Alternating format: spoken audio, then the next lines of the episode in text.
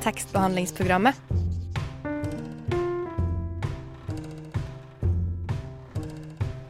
Tekstbehandling på radio.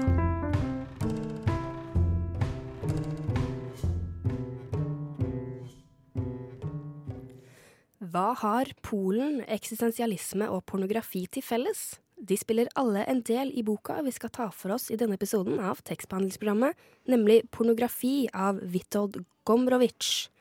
Eh, vi skal ikke få denne polske forfatteren på besøk, siden han døde i 1969, men vi skal få prate med Agnes Banach, som nylig har oversatt boka.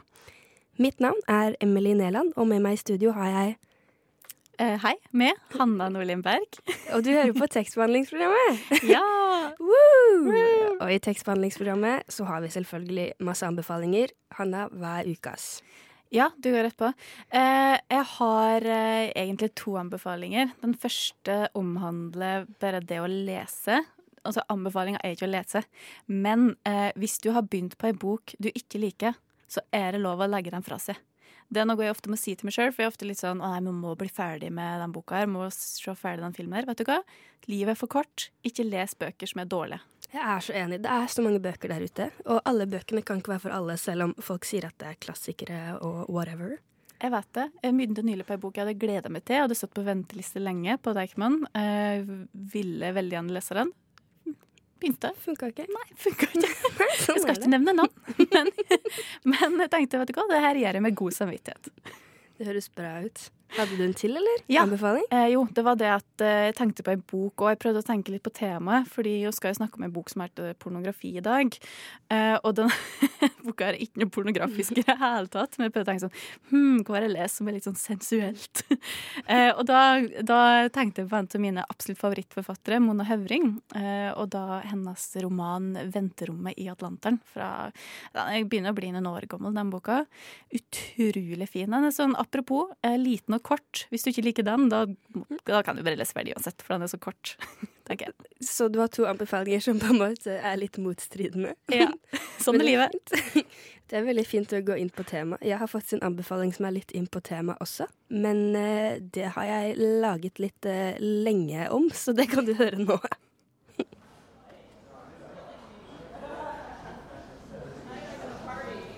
Så da sitter jeg der, på ei helt normal kafé i Oslo sentrum, drikker kaffe og leser boka mi. En ganske stor og merkverdig bok. 'Syndige folkeeventyr' heter den. Folkeeventyr er nemlig ikke bare Askeladden, gode verdier og rettferdige konklusjoner.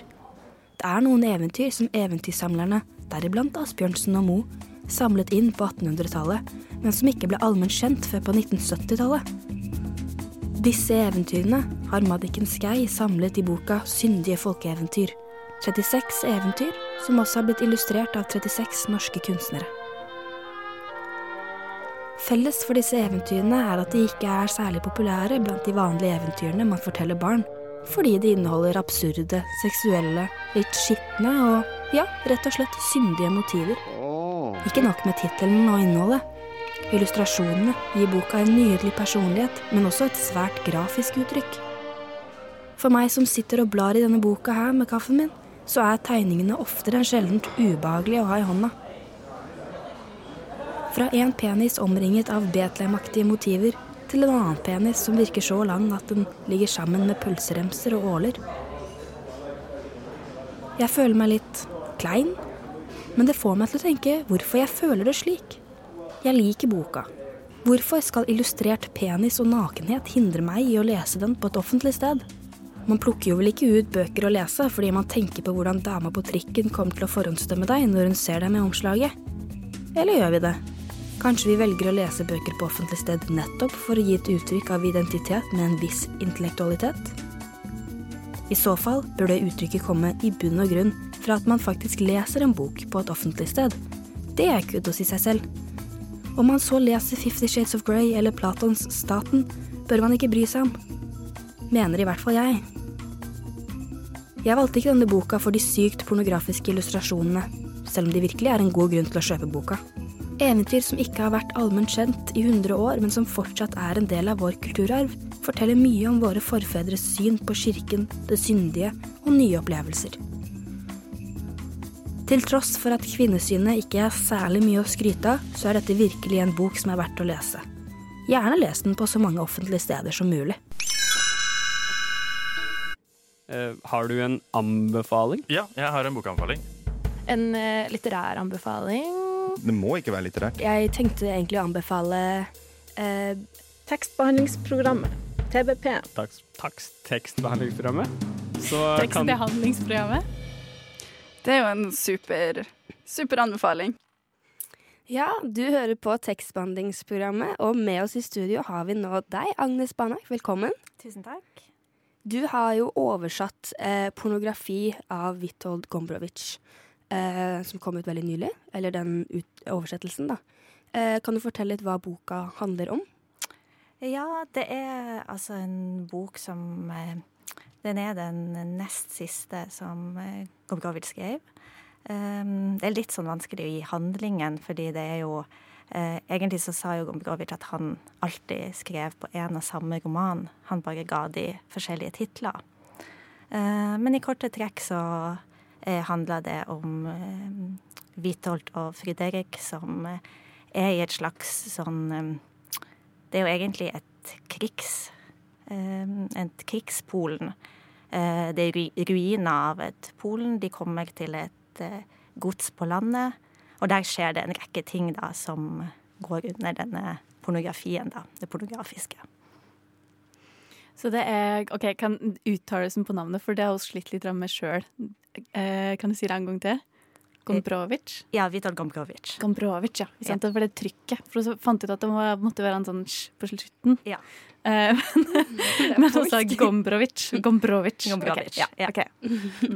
Det er, veldig, og det er jo ikke den første boken du har oversatt av han. Eh, nei, det er faktisk femte. Eh, jeg begynte med dagboken eh, del én og to, og så kom Transatlantic, den her og Kosmos. Eller altså, det er rekkefølgen de beskrevet, men jeg oversatte Kosmos i fjor, og denne i år. Eh, så du jobber jo du jobber fast som oversetter? Ja. Har gjort det de siste åtte årene, faktisk. Oh, ja, og Hvordan ser en vanlig dag for en oversetter ut? Uh, jeg jobber veldig mm, hva skal jeg si, har veldig sånn stor disiplin i dagen min, så jeg står opp klokka åtte. Eh, går egentlig bare opp trappa i leiligheten min eh, og setter meg ned og begynner å oversette. Mm, og det gjør jeg til sånn klokka fire-fem på ettermiddagen. Jeg tar minst mulig pause. Jeg liker veldig godt å komme inn i den flyten, og liker å jobbe veldig sånn konsentrert. Det, det høres ut som en deilig dag å jobbe Ja. litt hjemme. Uh, yes, Vi skal ha vår faste spalte i tekstbehandlingsprogrammet, nemlig Fem faste. Den kan du få lov til å ta. Hanna? Takk. Fem faste. Fem faste igjen på rykende fart. Yes. Uh, hva leser du nå? Eh, Nå leser jeg faktisk 'Brideshead Revisited', eller 'Gjensyn med Brideshead' av Evelyn Waugh. Kult. Og i hvilken font skriver du i? Eh, Times New Roman. Klassisk. Eh, hvor skriver du? Det sa du jo egentlig akkurat da du går opp trappa. Ja, jeg skriver i leiligheten min Ja. i andre etasjen. Det er en liten leilighet, men over to plan. Det høres veldig veldig bra ut. Jeg er litt misunnelig, kjenner jeg. Eh, din favorittbok som barn? Eh, Alice in Wonderland. Og hvis du ikke var oversetter, hva hadde du vært da? Ballettdanser. Jeg prøvde faktisk å bli det. Ikke verst. Hvorfor gikk du Ja, takk til Takk til Fem faste. Nå er nok musikk. Eh, du, var, du var oversetter Nei, du var ballerinadans, ballettdanser, heter det kanskje? Eller ballerina? Eh, ja, altså jeg ble jo aldri helt ballerina, men jeg gikk på ballettskole i London i tre år, og dansa faktisk ett år profesjonelt etter det. Og så gjorde jeg en del frilansoppdrag. Så ballettdanser og danser var altså min første store kjærlighet før litteraturen. Men så ble litteraturen din store kjærlighet? Ja. det føles veldig bra ut. Eh, jeg tenkte vi kunne høre litt musikk, og du har jo valgt noen ønskelåter til oss i dag. Den første er Bob Dylan med I Pity the Poor Immigrant. Eh, hvorfor valgte du den sangen? Eh, For det første fordi jeg er veldig stor fan av Bob Dylan, men for det andre fordi jeg føler at denne sangen sier noe om emigrantens kår og lodd, og det føler jeg var det som var på en måte det essensielle for Gombrowicz. Altså Hele hans forfatterskap baserer seg på denne emigrantskjebnen. Han skrev i eksil. De største verkene hans ble til i eksil, og jeg føler at det at han emigrerte fra Polen og aldri dro tilbake, er betegnende for hele det forfatterskapet. Er du hypp på å lese en bok, eller? Du hører på tekstbehandlingsprogrammet, og med oss i studio har vi Agnes Banak, som har oversatt eh, pornografi av Witold Gombrovi Gombrovic, var det. Eh, vi lurte litt på eh, har, Dette blir jo på en måte et prosjekt da når du har oversatt flere bøker av han. Valgte du dette prosjektet selv, eller fikk du det som oppdrag? Jeg fikk det som oppdrag, så det var Flamme forlag som tok kontakt med meg ja, nå begynner det å bli mange år siden, kanskje 2011, om ikke 2010. Og da med mm, forespørsel om å oversette dagboken. Og den er jo ganske omfangsrik, det er jo 1000 sider til sammen i de to bindene. Ehm, de romanene er kortere, men de er til gjengjeld veldig intrikate litterært. Så jeg har jo hatt arbeidsstipend for Transatlantic i to år og for Kosmos i ett år. Så det har jo på en måte vært som å nesten skrive en ny master eller ja, nesten en doktorgrad. Altså det er jo, du gjør jo veldig mye research. Du går jo virkelig inn i det forfatterskapet og ser på alle sider av det. Så fantastisk å få jobb sånn med en forfatter. Du snakka litt om det nå eh, mens låta spilte, eh, at eh, du har jo vært ballettdanser. Og du snakka litt om at det oversetter litt som å utøve det, på en måte. Litt på samme måte som når en er ballettdanser eller operasanger, som i mitt tilfelle. Da, uten at vi trenger å gå inn på det. Men vi lurte i den sammenheng litt på i hvilken grad du føler at det her, den boka her, eller de andre, da, er ditt verk? Ja, det er et fint spørsmål. Eh, ja, jeg har tenkt mye på oversettelse som en forlengelse av både dans og litteratur. Fordi som danser så utøver man jo noen andre sitt verk. Man gjør en koreografi, man innstuderer jo noe som noen andre setter. Og sånn sett er det jo veldig likt her, fordi her kommer jeg jo til et verk som allerede foreligger. Det er en annen forfatter, og jeg skal på en måte fremføre det på et annet språk. Som i dette tilfellet er norsk. Eh, og jeg tenker også veldig mye på det at jeg prøver å gi den norske leseren samme leseerfaring som jeg har som polsk leser når jeg leser dette. Um, og da prøver jeg på en måte å få den teksten virkelig under huden, og så skrive den da fra min egen, egen erfaring. Så det er hele tida en sånn bevegelse mellom tanken på at det er noen andre sin tekst, men den kommer jo likevel ut som din egen versjon av den. Og føler du da at på en måte du holder Eller det blir liksom at du har mye ansvar kanskje for denne forfatteren, da, som i dette tilfellet er avdød, men føler at liksom du har du har mye ansvar når du oversetter en bok, at det ligger veldig mye press på deg for at f.eks. jeg vet ikke, polske lesere da skal liksom støtte din oversettelse, eller hvordan føler du på det? Mm, ja, og særlig Gombrowicz, som har en så sterk posisjon i Polen. Um, men da jeg begynte, så tror jeg bare tenkte at her får jeg en uh, utrolig stor sjanse, og den må jeg ta. Og Eh, ja, jeg kan mislykkes med det, men jeg kommer til å angre veldig på å ikke prøve.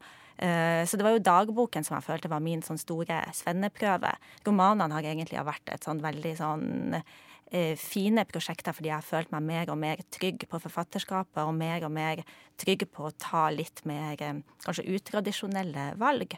Eh, men absolutt, det er jo Du har jo et, et stort ansvar for å formidle en tekst. Og i dette tilfellet, pornografi er jo en nyoversettelse. Den foreligger jo allerede på norsk. Eh, med da tittelen 'Forførelsen'. Der er det jo allerede i den tittelen synlig. Den heter 'Pornografia' på polsk. For meg var det veldig viktig å beholde den tittelen. Um, men da, da, sitter jo allerede med en versjon som foreligger, en versjon som kanskje mange allerede har lest og har et forhold til.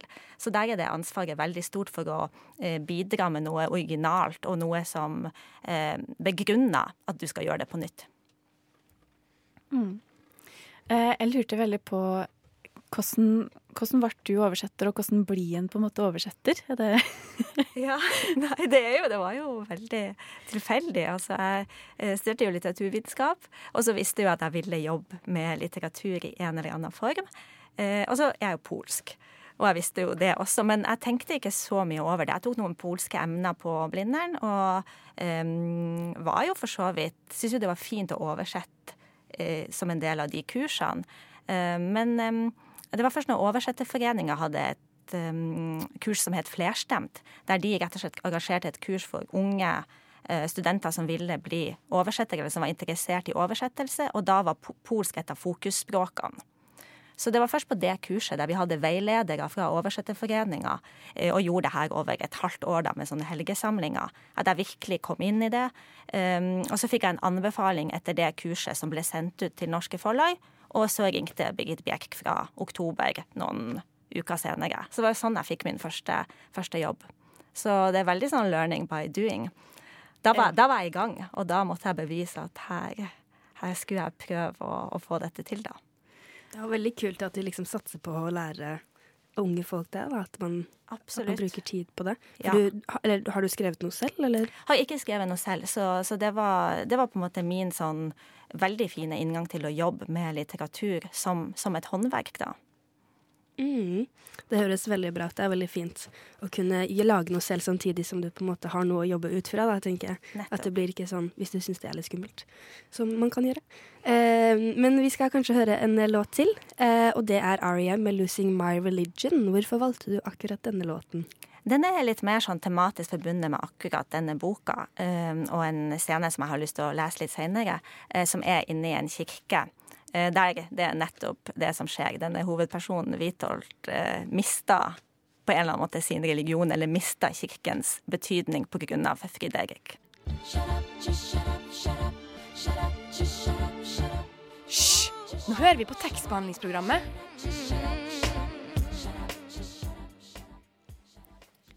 Ja, du hører på tekstbehandlingsprogrammet i, dag med Agnes Barnak som eh, gjest. Eh, og du har oversett, oversatt eh, pornografi, og vi lurte litt på eh, denne forfatteren som du har oversatt mye av, Witold Gombrovic. Hvordan er det egentlig å oversette han?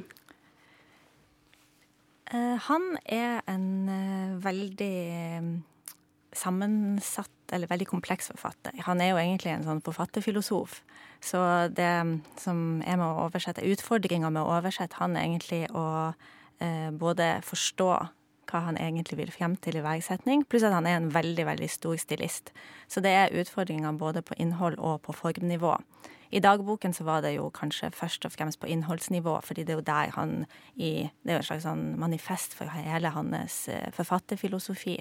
Eh, mens de tre romanene jeg har oversatt, har jo hatt veldig mye sånne litterære eller stilistiske utfordringer. Eh, Transatlantic er jo skrevet på sånn barokt polsk som nesten ingen bruker lenger. Så der laga jeg jo en slags sånn miks av Wergeland og måtte gå til noen sånne norske kilder for å på en måte lage en pastisj som, som gjorde litt det samme med det norske språket som han gjør med det polske. Eh, Kosmos er jo en sånn intertekstuell eh, fest der han siterer fra Dickens, Thomas Mann, fra Prost, men gjør det Han siterer ikke han, altså det er bare små referanser som ikke alle får med seg, så de må på en måte være like sånn nøkterne i den norske som i den polske. Mens i denne pornografi så syns jeg egentlig at eh, få til denne flyten i språket, altså det er jo lange setninger, men likevel så er det en sånn fart i teksten. Det, den må på en måte drives, drives fremover. Det er jo ganske sånn kompliserte tanker han fremstiller på en veldig presis måte. Mm. Ja, det er jo, altså den stilen er jo Det er veldig mye greier. Det er mye prikk, prikk, prikk, og det er mye parenteser, og det er mye uh, Han har en sånn spesiell måte å gjenfortelle dialoger på, akkurat som en tenker det. Det er veldig sånn uh, utrolig imponerende å få til, da. Og apropos det, jeg ble så nysgjerrig for å snakke litt om det, og Emily. Det med de parentesene, har, har du skjønt hva det er for noe? Ja. Altså, det er jo, eller jeg vet ikke om jeg helt har skjønt det, men altså, jeg har jo mine tanker om hva han, hva han gjør med det. Men det det, det han gjør i denne boka, det er at han setter disse særlige ordene gutt og jente i parentes. Eh, og det tror jeg har med hele prosjektet hans, at han på en eller annen måte prøver å vise ungdommen som noe uferdig, eller som noe som er satt i parentes i samfunnet. At det er noe som ikke er helt gyldig på samme måte som et voksent menneske. Så i teksten gjør han på en måte den samme bevegelsen med å sette disse faktiske ordene i, i et parentes. Det er jo veldig, veldig interessant, for det er på en måte det er, jo, det er, jo, en bok med mange temaer, kan man si. Da, og man sier jo at eh, Gombrowicz er veldig opptatt av sånn eh, ungdommen kontra på en måte den voksne, den voksne personen i rommet og sånn. Og det er jo kanskje det han spiller veldig mye på det, i dette her, da. Mm. Um, jeg bare lurer på, liksom, Følte du at du fikk litt fram hans stemme, eller har du sett litt på det i bak, liksom i ettertanke, da? Ja, altså, jeg tror at fordi jeg gjorde Transatlantic først av romanene, og hadde gjort dagboken før det. Og fordi de to tekstene er kanskje de som er de mest forskjellige. Altså Dagboken er jo veldig eseistisk, mens Transatlantic er jo et sånn formeksperiment fra ende til annen. Så fikk jeg på en måte begge eh, delene av det spekteret i Gombrowicz sitt forfatterskap. Så da jeg begynte på Kosmos og så gjorde pornografi, så følte jeg da, da var jeg på en måte, da hadde jeg denne stemmen ganske sånn klar, klart, den litterære stemmen hans. Som er en helt annen stemme enn det han f.eks. har i dagboken. Og det må også sies at pornografi er jo en slags sånn forløper til Kosmos, den boka som er oversatt i fjor. Så de to kan veldig gjerne leses sammen. Altså Veldig mange av de ideene som han begynner her, de utvikla han videre i Kosmos, som kom ut i fjor, men som var hans siste roman, og kanskje hans mesterverk. Mm. Eh, føler du at, eh, at eh, Eller har du, har, du, har du sammenlignet denne boka med andre bøker du har på en måte lest av polske bøker, eller har du oversatt flere av andre polske forfattere? Ja, jeg har jo ja, eh, De to samtidsforfatterne jeg begynte med å oversette, som var Jerzy Pilh og Mihao Witkowski, er jo begge påvirka av Gombrowicz på hver sin måte. Og, men det er klart de er samtidsforfattere. Pilch er vel 60 eller 70 nå, mens Witkowski er ganske ung. Så de skriver jo på hver sin måte i dette universet. Og kanskje særlig Witkowski i den boka som er 'Tømmerhoggeren', som er oversatt til bruker Gombrowicz veldig mye. Men men det er bare deler av Gombrowicz. Altså Gombrowicz er en sånn figur i polsk litteratur som du rett og slett ikke kommer forbi. Alle må forholde seg til han på en eller annen måte. Kanskje sånn som Dag Solstad i Norge. Mm. Eh, eh, hva var det jeg skulle si eh, Nei, nå ble det helt borte. Nei, vi, vi, trenger jo kanskje ikke Kanskje vi bare skal lese litt? Ja. Vil du lese litt ja. for oss? Ja, jeg leser gjerne. Hva, hva, vil du fortelle litt om det du skal lese også? Uh, ja, så dette er denne scenen som um, er i kirken. Og det, dette føler jeg er en veldig viktig scene for denne romanen. Um, jeg kan jo si litt mer hvorfor etter, etter at jeg har lest, men det er i hvert fall en De kommer til en kirke som um, De skal i en messe eller en gudstjeneste på en søndag, og dette er uh, Vitholt og Fredrik, og så skjer det, skjer det noe.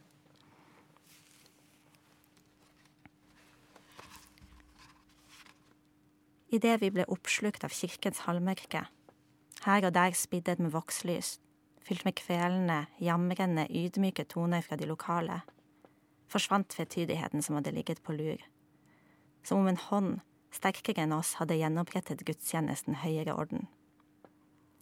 Hippo, som hittil hadde spilt godsherre med innbitthet og lidenskap for ikke å la seg kue, inntok nå sindig og edelt plassen på benken reservert kirkens velgjørere og nikket til fogden fra Ikanye som satt på den andre siden av midtgangen med sin familie. Messen hadde ikke begynt ennå, ingen prest, folkemengden var overlatt til seg selv med sin inderlige, underdanige, skingrende, falske uling, som i det minste holdt dem i tøylene. De var som en kjøter i bånd, harmløse. For en beroligende begrensning, en salig lindring. Her, innenfor disse uforgjengelige steinmurene, var bonden bonde, herren var herre, Messen var messe, og stein var stein. Alt ble seg selv igjen. Men Friderik, som hadde tatt plass ved Hippo, knelte. Noe som igjen virket litt forstyrrende på meg, for det var kanskje å overdrive. Og man måtte ta i betraktning at han knelte for ikke å foreta seg noe helt annet. Men nå kimer klokkene, der er presten, han setter kalken på alteret, bukker dypt. Klokkene kimte og plutselig var det en avgjørende tone som traff meg med en slik kraft at jeg, utmattet, halvt bevisstløs, falt ned på kne, og det var like før jeg i min voldsomme underkastelse begynte å be. Men Fridrik Jeg antok, mistenkte at Fridrik også ba siden han hadde knelt. Ja, vel vitende om hva han var i stand til, var jeg overbevist om at han ikke bare lot som, men ba for alvor. Det vil si at han ikke bare bedro de andre, men like mye seg selv. Han ba både i egne og andres øyne, men bønnen var et skjermbrett som skjulte det i ham som var alt annet enn bønn. Altså var det ekskluderende, eksentrisk handling som ledet oss vekk fra kirken, inn i den absolutte vantroens endeløshet, totalt fornektende. Og hva ledet den til? Jeg hadde aldri opplevd noe lignende. Hva var det egentlig som skjedde? Strengt tatt ingenting. Ikke annet enn at noens hånd hadde tømt messen for enhver mening, ethvert innhold og presten fortsatte, knelte, gikk fra den ene siden av alteret til den andre, kokeguttene ringte med klokkene, røkelsen steg opp mot taket, mens meningen sivet ut som gass fra en ballong, Messen falt sammen i total impotens. Der hang den. Slapp. Dette meningstømmende attentatet ble utført i utkanten, utenfor oss, utenfor messen, som følge av en uttalt, men drepende kommentar fra en som sto på sidelinjen. Gudstjenesten var forsvarsløs, ettersom alt skyldtes en fortolkning, et notat i margen. Egentlig var det ingen i kirken som motsatte seg messen, selv Friderik delte så korrekt som mulig. Og hvis han tok livet av den, gjorde han det fra vrangsiden, så å si. Denne drepende sidebemerkningen var en uhyrlighet formet av et skarpt, kaldt, gjennomtrengende, nådeløst sinn. Og jeg forsto at det var det rene vanvidd å bringe dette mennesket inn i en kirke. Man måtte for Guds skyld holde ham langt unna. Kirken var det verste stedet man kunne ta ham med til. Tusen takk. Eh, vi skal høre litt musikk. Du har eh, valgt Den siste låten du har valgt til oss, er 'Florence and the Machine' med 'Shake It Out'. Vil du si noen ord om den? Ja, den går jo mer på min oversetterprosess. Som jeg sa, så er det jo en eh, prosess der man har en veldig sterk forfatterskikkelse ruvende over seg mens man jobber. Eh, så nå har jeg altså begynt med denne eh, ristepraksisen i løpet av arbeidsdagen, der jeg bare står og rister i fem minutter for å riste av meg dette andre og prøve å finne min egen stemme i forhold til det jeg faktisk jobber med. Hei, jeg heter Aune og du må høre på tekstbehandlingsprogrammet. Fordi kunnskap og viten, det er det mest vidunderlige på denne Yes, du hører på tekstbehandlingsprogrammet, og med oss i studio har vi Agnes eh, Banak, som har oversatt 'Pornografi' av Witold Gombrowicz. Ja, eh, og så var jeg jo litt inne på det tidligere, men eh, altså, selvfølgelig når du har jobba så mye med verkene til Ann forfatter, så er jeg også litt nysgjerrig på hvor mye kan du om henne? Hvor mye føler du at du må sette deg inn i, eller hvor mye setter du inn i uten at du vil det, om han som person, da? Eh, ja, Kjenner det, du han, liksom? ja, det er et veldig interessant spørsmål akkurat i forhold til Gombrovic som var en sånn selviscenesettelsens mester. Og de sier jo at jo mer han kommer frem i lyset, jo mer skjuler han seg, jo mer, lenger trekker han seg tilbake i kulissene. Eh, så for meg som på en måte har jobba med scenekunst også, så er jo dette en sånn veldig sånn interessant eh, problemstilling. Det at du egentlig ja, at han drev med skuespill. At han regisserte sitt liv. Og det som skjer i denne boka, som Fredrik Han begynner jo etter hvert å regissere masse scener Eh, med disse ungdommene, men også med Witold og med egentlig alle personene. Og det var jo det eh, Witold holdt på med i hele sitt liv. Altså i dagboken, i romanene, i skuespillene. Så iscenesett altså alle hans, eh, I alle hans romaner så er det jo Witold som er hovedpersonen. Men det er jo Er det Witold Gombrowicz? Er det en avart? Fridrik er jo også en slags dobbeltgjenger, så det er fordoblinger. Eh, ja. Det, det, er en ganske sånn kompleks eh, mann å bli kjent med, så både ja og nei. Altså Man blir jo på en måte mindre kjent med han jo mer man blir kjent med han, så man kan si det sånn. Ja, det høres forvirrende ut, altså. Herregud, det blir helt sånn uh, ja.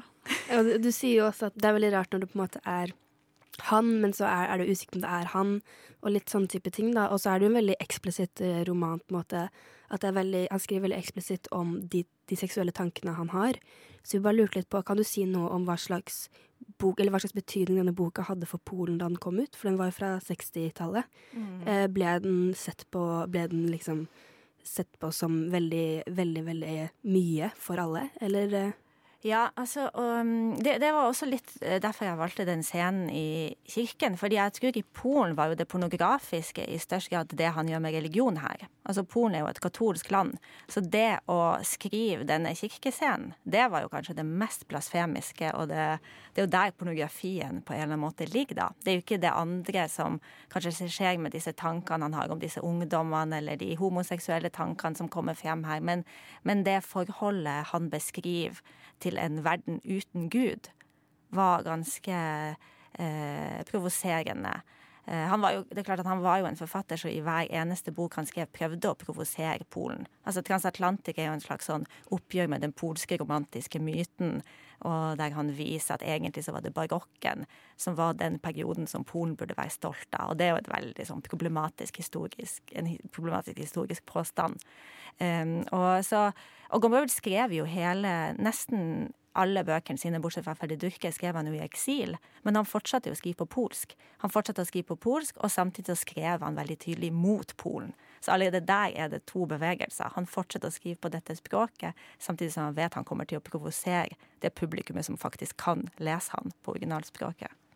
Er han fortsatt provoserende den dag i dag, eller hvordan ser de på han nå? Ja, absolutt. Og i hvert fall i lys av det siste som har skjedd i Polen de siste årene, så tror jeg Gombrowicz er tror ikke det var sånn at de tok han av pensum, men det var liksom snakk om det. Så det er absolutt en forfatter som fortsatt provoserer, og særlig nå i dette nye Polen der det nasjonalistiske og den eh, polske myten dyrkes, så er Gombrowicz en veldig, veldig problematisk forfatter, nettopp fordi han satte spørsmål ved det hele tiden. Ved polskheten, ved polakken som en som skal kjempe for landet sitt, ved Polen som nasjonenes Kristus. Altså hele, alt det der som polakkene ser på som veldig sin nasjon nasjonale stolthet, det var jo noe han prøvde å rokke ved i absolutt alt han skrev.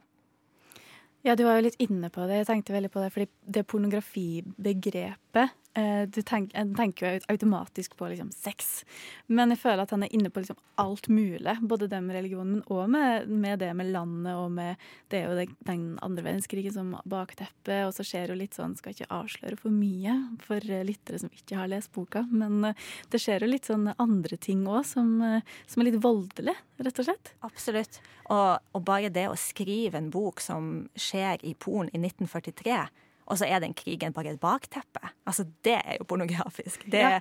det, er jo noe så groteskt ved det. At han og at de holder på med en slags sånn regissering og lek og med alt mulig annet enn enn det de faktiske Altså at den motstandsbevegelsen eller det som faktisk var høyst reelt, det, bare, det nevnes nesten ikke. Altså Det er der virkelig som et bakteppe eller som kulisser. Ja, det er nesten som et slags eh, teater. Det føles ikke virkelig. Det er bare sånn, ja, det er ingen jøder her, da. Det, det blir bare nevnt så vidt. Nettopp. Det nevnes i én setning. Ja. Den setningen til gjengjeld nesten akkurat midt i boka, som også er veldig interessant, men det er én setning. Det var ingen jøder her. Og så er det ikke noe mer. Mm, jeg blir veldig nysgjerrig. Hvis, hvis eh, Gombrowicz hadde levd nå, hva hadde han skrevet om? Åh, jeg vet ikke, men altså, jeg tror han hadde skrevet veldig veldig krast mot Polen. Og det kan godt hende at han ikke hadde dratt tilbake til Polen nå heller. For det var jo det som var. ikke sant? Han dro jo til Argentina og skulle være der i tre uker. Eh, og så ble han der i 24 år. Og etter det så reiste han jo til Berlin, Paris, tilbake til Europa, bosatte seg i Frankrike. Men han reiste jo aldri tilbake til Polen. Og det var jo et valg. Og jeg tror kanskje han hadde tatt det valget igjen nå. Mm, det var uh det var eh, nesten Det var alt vi rakk eh, med dette intervjuet. Tusen hjertelig takk for at du kom, Agnes Banak. Det var veldig hyggelig å snakke med deg. Tusen takk. Eh, vi må gå litt videre i programmet. Eh, eh tekstbehandler Torolf han har lest eh, 'Amtmannens døtre' og har et par ting å pirke på med Camilla Colletts klassiker. Fordi er det egentlig en bok som handler om alle kvinnene i sin tid, eller handler den mest om Amtmenns døtre? Nå nylig gjenleste jeg 'Amtmannens døtre' Camilla Colletts eneste roman. Romanen er delt opp i eh, to deler og handler om Sofie Ramm og Georg Kolls kjærlighetsliv, og avviklingen av det samme. Collett mente selv at denne romanen tok for seg et universelt problem for alle kvinner på 1800-tallet, nemlig retten til selv å bestemme hvem man skal gifte seg med. Og på mange måter så gjør den også det, men allikevel ikke helt.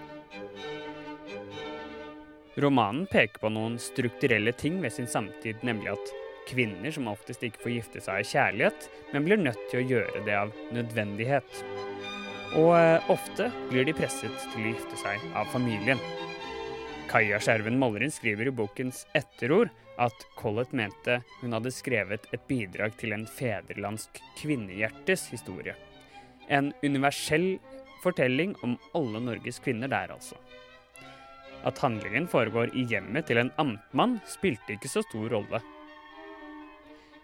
Men det er nemlig en viss forakt for de lavere klassene i Amtmannens døtre, som taler imot at romanen handler om en fedrelandsk kvinnehjertes historie. Ja, det var nok vanskelig å være kvinne generelt på 1800-tallet, og det var nok ikke lett å være kvinne i overklassen heller og bli giftet vekk til Gud og hvermannsen.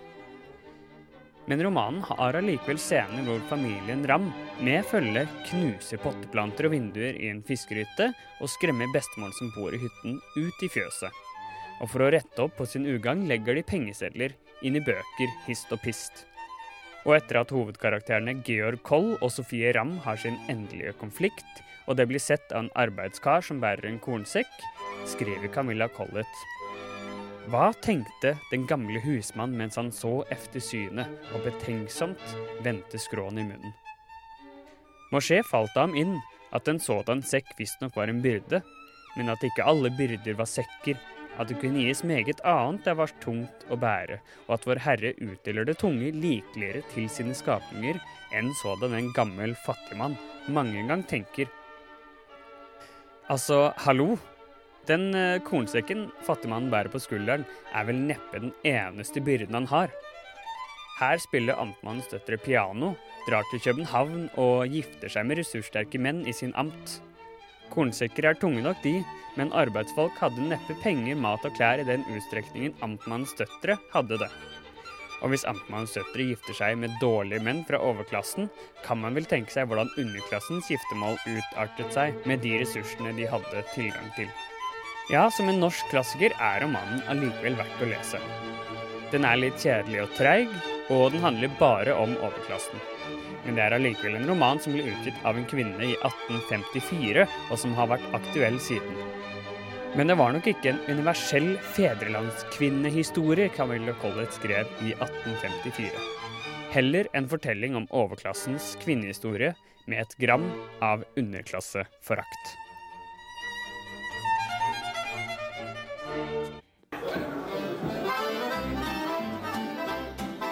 Hvis du går hjem med noen og de ikke har bøker, ikke knull dem. Hilsen tekstbehandlingsprogrammet. Ja, da nærmer tekstbehandlingsprogrammet seg sin slutt. Det gjør det, altså. Dessverre for denne gangen, men det kommer flere sendinger. Ja, det gjør det. Og jeg har hørt rykter, hvis ikke det er helt feil, at neste uke så kommer Dag Johan Haugerud. Han, det, han, han, har, eh, han, har, laget uh, barn. Han har laga barn! han har laget han har, Det er en film som heter Barn, som han har laget. han har laga filmen Barn. Filmen Barn. Ja, kanskje har han barn òg? Det vet jeg ikke. Det, det, det får du høre neste uke. eh, men du kan også høre tidligere sendinger. Det, det, kan du alltids gjøre. Eh, det fins jo både Soundcloud, eh, der er oss til stede, eh, og Spotify, iTunes, Acast sikkert. Alt sånn podkastopplegg, der er oss. Det er sikkert flere som jeg ikke vet om. ja, sikkert. Jeg føler at det bare går sånn automatisk, så det er bare å søke opp. Og så ja. selvfølgelig nettsida til Radio Nova. Der ja. kan du òg høre med musikk, i hvert fall i et par uker etterpå. Ja, det er veldig hyggelig å høre hva Agnes Barnak har lyst til å spille for oss. Ja. Mm. Yes, men da må vi nesten si takk for oss. Ja. Takk for oss. Ta takk for oss. Mitt navn var Emily Neland. Og jeg var og jeg, Hanne Nordlindberg. Og tekniker var Helje Svensson. Tekstbehandlingsprogrammet.